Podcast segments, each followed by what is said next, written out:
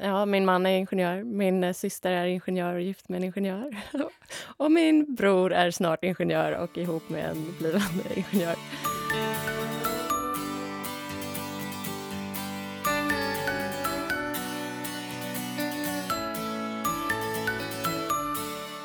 Hej och välkommen till Teknikföretagens podcast Tea Time. Första delen av vår poddserie Fråga Ingenjören. Om ingenjörer som gästas av ingenjörer. I studion är det jag, Anna Löv, som är presschef på Teknikföretagen och tillsammans har jag med mig min sidekick Kjell Eriksson. Hej Kjell! Mm, tackar för det, här är jag. Kjell, om jag säger ingenjör, vad säger du då? Mycket barndomsminne. Min mammas morbror som nu är i ingenjörshimlen. Han var ingenjör. Och jag fick alltid höra en, en historia om att han var en gång då, i sin ungdom Sveriges yngsta ingenjör. Nu låter det väldigt skrytsamt när jag står här och säger det, och så jag har inget direkt bevis kvar, kanske någon artikel om jag gräver i hans arkiv. Men det är en historia som jag har burit med mig väldigt länge att han var det. Och han var väldigt tekniskt intresserad och eh, gillade att tänka lösningsorienterat. Så tänker jag att en ingenjör tänker. Ja, vi har ju faktiskt gjort en utfrågning av vad personer på stan tänker på när de hör ordet ingenjör.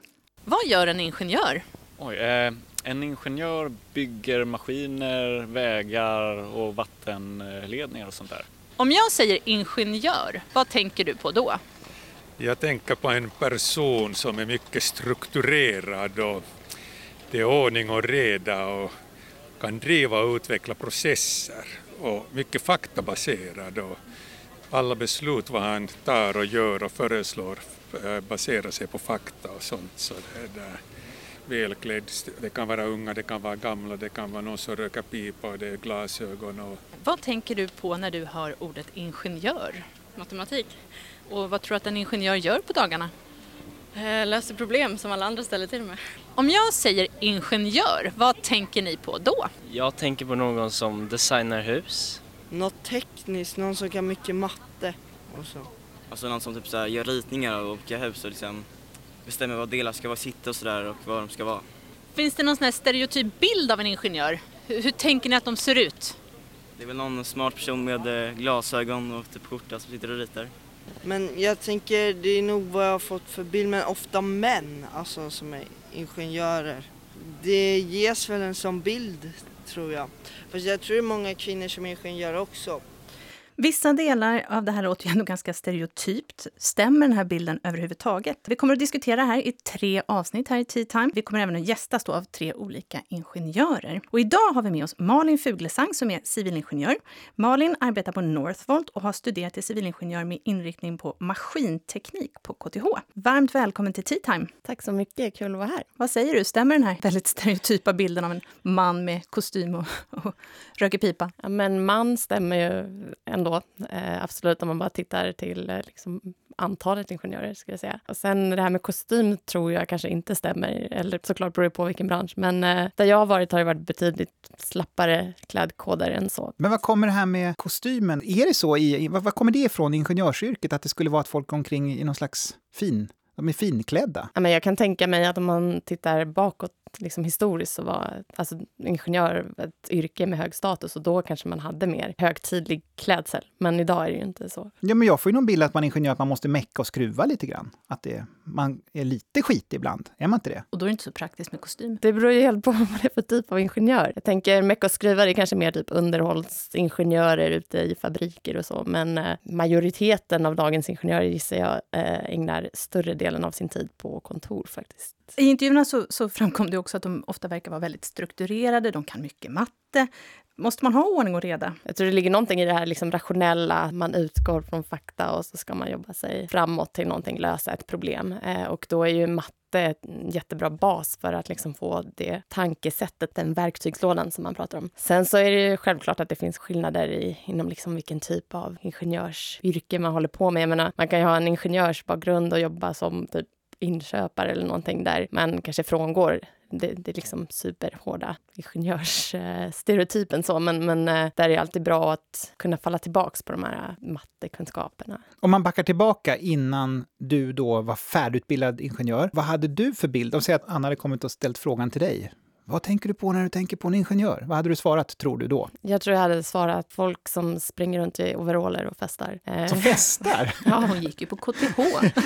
Jag är ju uppvuxen med två föräldrar som är ingenjörer och eh, som var väldigt aktiva i studentlivet. Och liksom, de har sjungit nubbesånger hemma eh, och jag har sett de där overallerna sedan jag var liten. Så att jag tror att för mig så var det väldigt mycket det som var liksom, att vara ingenjör tidigare än jag började liksom, reflektera över vad det betyder när man väl är färdigutbildad. Liksom. Vi kommer komma tillbaka till dina föräldrar lite senare, men just nu så arbetar du ska jag säga, på Northvolt. Vad, vad gör ni där? Vad är det för företag? Northvolt eh, bygger, eller vi kommer att producera världens grönaste batteri. Och just nu håller vi på och bygger eh, tre, snart fyra fabriker för produktion av batterier, eh, litiumjonbatterier, främst till elbilar, men även andra applikationer. Och då är det en fabrik i Västerås som heter Northvolt Labs, som är liksom en forskning och utvecklingsanläggning, men ganska storskalig för att vara det. Och den fabriken är snart klar, ska vara klar till slutet av året. Och eh, sen uppe i Skellefteå bygger vi en eh,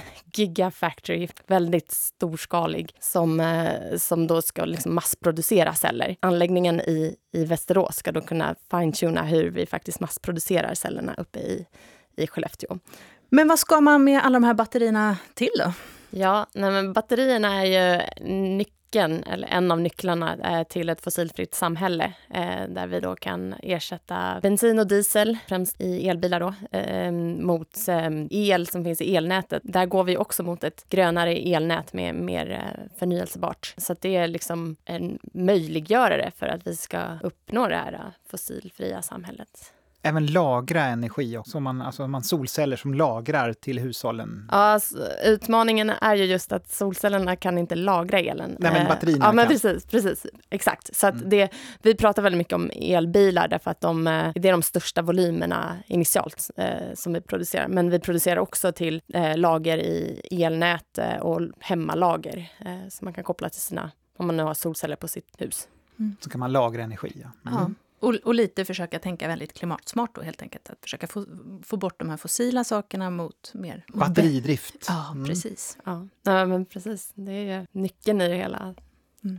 Så blir jag samtidigt så nyfiken just på de här små detaljerna kring din, ja, kring din arbetsdag. Vad har du gjort idag till exempel? Ja, men en normal dag, då är det väl lite så här, man kommer in på jobbet och börjar ändå med att kolla den mejl som har kommit in sen man kollade mejlen senast. Men sen så generellt är det ganska mycket avstämningar som dyker upp med ganska kort varsel. Det blir mycket möten eh, och sen så delvis är det såklart också planerade möten. Mycket samordning liksom. Det är ett jättestort projekt eh, att få ihop all den här utrustningen som ska in i fabriken eh, och, och allt runt omkring, liksom byggnader och ska in el och vatten och allt möjligt. Väldigt mycket sådana avstämningar. Men får du springa in ibland och, och liksom säga, men prova den här sladden och den här sladden. Nu kopplar vi ihop dem och så ryker det till lite grann. Och så, Som professor Baltasar. ja, lite grann så. Jag gör inte det jättemycket för jag flyttade upp till Skellefteå, men eh, i Northvolt Lab så är det jättemycket så just nu. Eh, när allting ska liksom Kopplas klaffa ihop, och kopplas va? ihop. Mm. Så mycket möten och en hel del kaffe kan jag misstänka. Men för att backa bandet lite då. Hur kom det sig att du ens blev ingenjör? Om vi liksom backar till hur var ganska liten. Ja, men jag, jag ville nog inte bli, eller liksom när jag var väldigt liten, då ville jag kanske bli det bara för att liksom mina föräldrar var det. Men sen så när i tonåren, då var jag mycket mer intresserad av liksom samhällskunskap. Jag gick i och för sig naturvetenskap på gymnasiet, men, men eh, däremot så var jag väldigt intresserad av historia, så att när jag gick ut gymnasiet, då började jag faktiskt läsa eh, statsvetenskap eh, läste jag i USA då. När jag sen flyttade tillbaka till Sverige då, då började jag faktiskt på Handels eh, för att det var mer liksom, närmare statsvetenskap fast kanske lite mer användbart. Men det var väl där någonstans som jag jag vet inte, jag insåg ändå att eh, teknik är ju det som krävs, eller det är en del i att, att komma vidare. Det var mycket det här med miljö och hållbarhet, att det är ju en jättestor pusselbit i det här. Och eh, då tänkte jag att ja, men jag, jag söker mig till KTH och testar liksom hur det är där. När jag väl började på maskin så tyckte jag att det var så himla kul att, att plugga på den skolan så fortsatte jag liksom bara med det. Eh, och jag tror att jag har hela tiden haft lite svårt att välja liksom vad det är man ska göra. Jag har inte velat välja bort någonting riktigt. Så att det var mer bredden jag ville ha. Men, men jag tyckte att det var kul att kunna använda liksom konkreta lösningsmässigt vad man får fram för att lösa samhällsproblemen. Men har, har du fått en, en släng av föräldrarna att Har du gått i deras fotspår eller har du någon gång kanske inte velat gjort det och så vidare? Men det var väl det jag inte ville göra när jag Från var yngre. början, ja. Som alla andra. Eh, Det brukar ju vara så. Ja. Men nu... eh, Döm om vår förvåning. Jag vill inte bli som dem. Om man läser på lite extra om dig då, din pappa, Christer Fuglesang, han är väl rymdingenjör kanske? Eller astronaut i alla fall. Ja, teknisk fysiker är han i grunden. Ja. Var han en Mm. förebild? Nej, men absolut. Det är aldrig så att jag liksom tänkte att jag skulle bli astronaut. Men, eh, men absolut att han har varit en förebild. Eh, Och även min mamma då, som också är ingenjör. Vad är hon för ingenjör? då? Också teknisk fysik. På det spåret faktiskt så ska vi plocka in lite lyssnarfrågor för det är nämligen dags för Fråga Ingenjören.